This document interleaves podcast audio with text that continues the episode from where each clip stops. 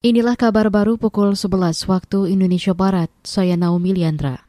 Menteri Koordinator Bidang Politik Hukum dan Keamanan Menko Palhukam Mahfud MD buka suara soal perbandingan pelarangan HTI dan FPI dengan tidak adanya hukuman pada kelompok LGBT.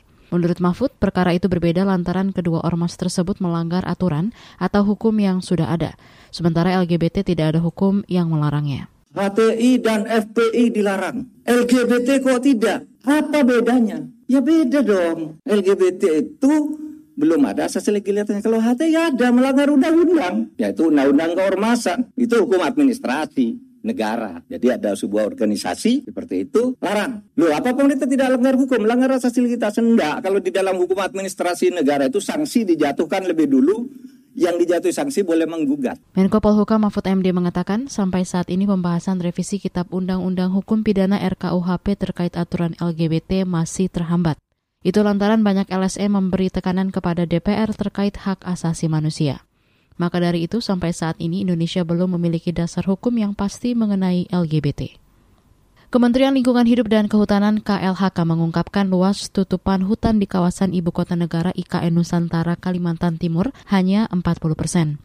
Menteri LHK Siti Nurbaya Bakar dalam keterangan tertulis menyebut saat ini kementeriannya tengah mempersiapkan persemaian untuk memperluas hutan di IKN menjadi 75 persen.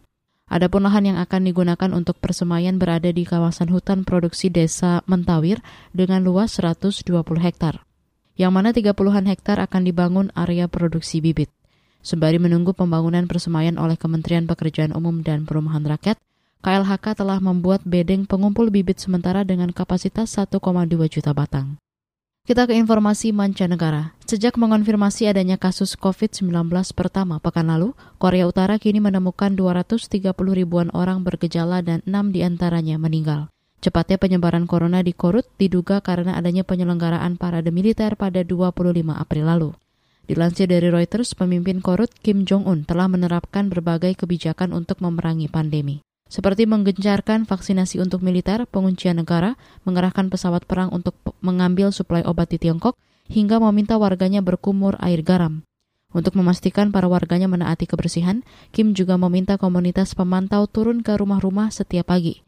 Tujuannya untuk memastikan warganya mencuci tangan, berkumur, dan membersihkan diri serta tempat tinggal mereka. Saudara, demikian kabar baru KBR. Saya Naomi Liandra, undur diri.